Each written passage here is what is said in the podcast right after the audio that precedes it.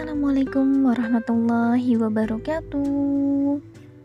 Kembali lagi di podcast Cahaya Terang. Apa kabar teman-teman semua? Aduh, agak ngaret banget nih untuk upload episode ketiga.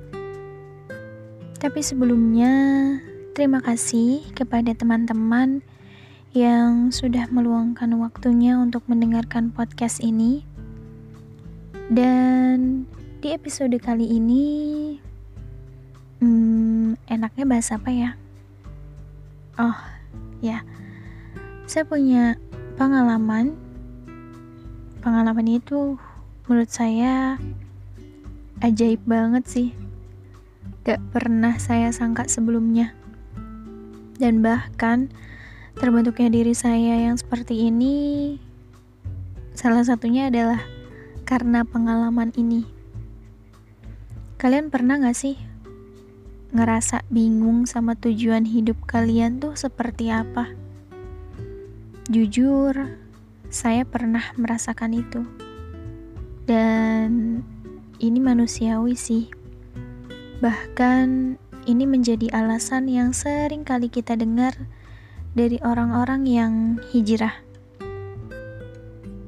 Nah, bicara hijrah dalam Islam, hijrah kan yang kita kenal tuh awalnya suatu peristiwa di mana Rasulullah Shallallahu Alaihi Wasallam pindah dari Mekah ke Madinah untuk mendapatkan tempat dakwah yang baru yang lebih menjanjikan. Tapi dalam konteks zaman sekarang, hijrah ini ya sama-sama memiliki arti perpindahan, cuman bedanya perpindahan seseorang dari segi spiritual ataupun materi ke arah yang lebih baik. Koreksi ya kalau saya salah. Nah, kalau yang kita lihat beberapa tahun belakangan ini, banyak banget orang-orang yang udah mulai hijrah. Alhamdulillah.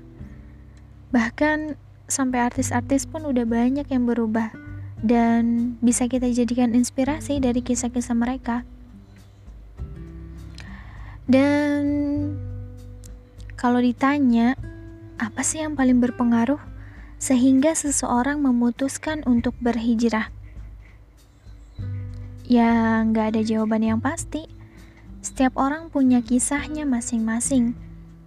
Ada yang karena udah resah sama hidupnya, terus gak merasakan nikmatnya hidup.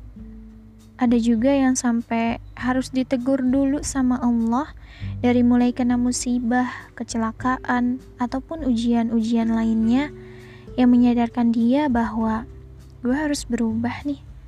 Gak bisa gini terus. Sampai ada yang kepikiran kayak gitu.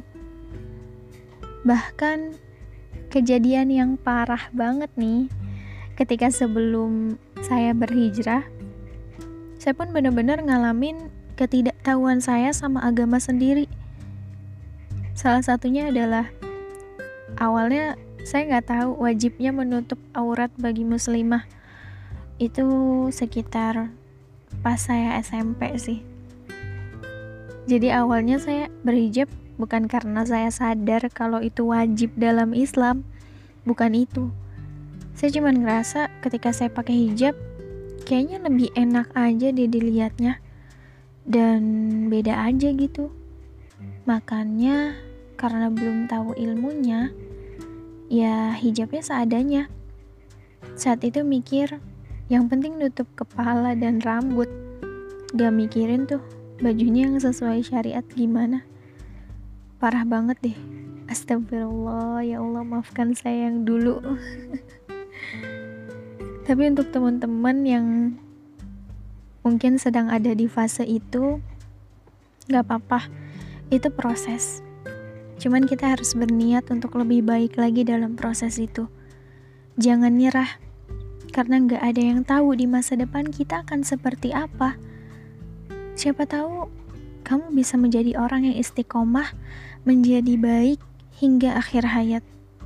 Amin. Oke lanjut Perintah menutup aurat tuh udah ada di Al-Quran dari sebelum negara api menyerang Maksudnya dari zaman Nabi itu ada di dalam Al-Quran surat Al-Ahzab ayat 59. Nah, ini ciwi-ciwi harus wajib tahu sih. Lebih kurang lebih bunyinya tuh kayak gini. Bismillahirrahmanirrahim. يا أيها النبي كل أزواجك وبناتك ونساء المؤمنين ونساء المؤمنين يدنين عليهن من جلابهن ذلك أدنى يعرفن فلا يؤذين وكان الله غفور رحيم Artinya, Hai Nabi, katakanlah kepada istri-istrimu, anak-anak perempuanmu, dan istri-istri orang mukmin, hendaklah mereka mengulurkan jilbabnya ke seluruh tubuh mereka. yang demikian itu supaya mereka lebih mudah untuk dikenal. Karena itu mereka tidak diganggu dan Allah adalah Maha Pengampun lagi Maha Penyayang.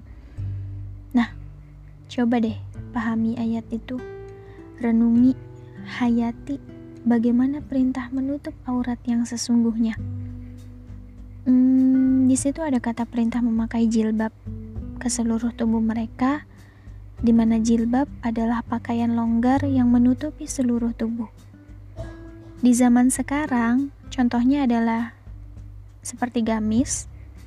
Dulu saya juga gak punya gamis, paling cuman punya satu atau dua itu juga dipakai pas lebaran aja eh pas SMK ajaib banget deh yang tadinya cuman asal pilih eskul gak taunya malah jadi nyaman banget sama eskul ini.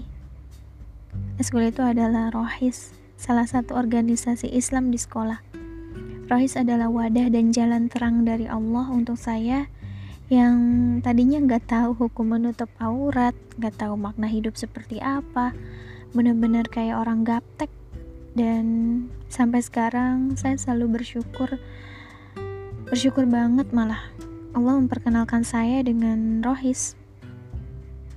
Terus pertanyaannya, emang kalau mau hijrah harus masuk Rohis? Ya enggak, sekarang itu banyak banget peluang kita untuk hijrah, untuk menjadi lebih baik. Dengan adanya internet dan kecanggihan teknologi, ilmu tuh bisa didapat dari mana aja. Bahkan sambil rebahan pun bisa. Tinggal bagaimana diri kita yang memanfaatkan peluang itu. Dan yang terpenting, bagaimana lingkungan kita. Lingkungan ini salah satu pengaruh yang sangat penting. Analoginya tuh kayak gini. Mungkin kalian sering dengar bahwa kalau kita berteman dengan penjual minyak wangi, maka kita akan terbawa menjadi wangi. Dan kalau kita berteman sama penjual besi, ya kita juga bakal terbawa bau besi. Jadi kalau kita ada di lingkungan yang baik, insya Allah kita akan ikut terbawa menjadi baik. Sebaliknya, kalau kita ada di lingkungan yang kurang baik, maka kita hanya perlu bertanya, apakah bisa kita berbuat baik seorang diri? Sulit rasanya. Kalau kata guru saya, hanya ada dua pilihan.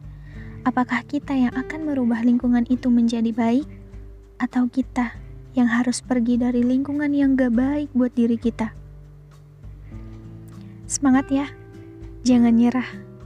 Kalian gak sendiri. Sekarang udah banyak kok komunitas-komunitas hijrah. Jadi jangan ada alasan kalau kalian gak punya seseorang atau wadah yang bisa mendukung kalian menjadi baik. Yang terpenting niat dan ikhtiar juga pastinya. Ingat, sesungguhnya Allah tidak akan mengubah nasib suatu kaum hingga mereka mengubah diri mereka sendiri. Itu ada di dalam Al-Quran surat Ar-Rod ayat 11. Semangat semuanya.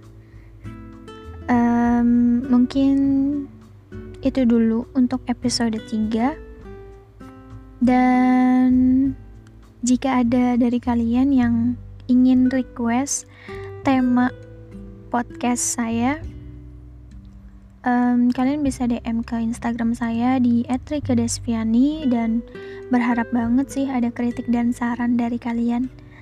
Mohon maaf atas segala kekurangan. Semoga ada hal baik yang bisa diambil. Insya Allah kita bertemu di next episode. Assalamualaikum.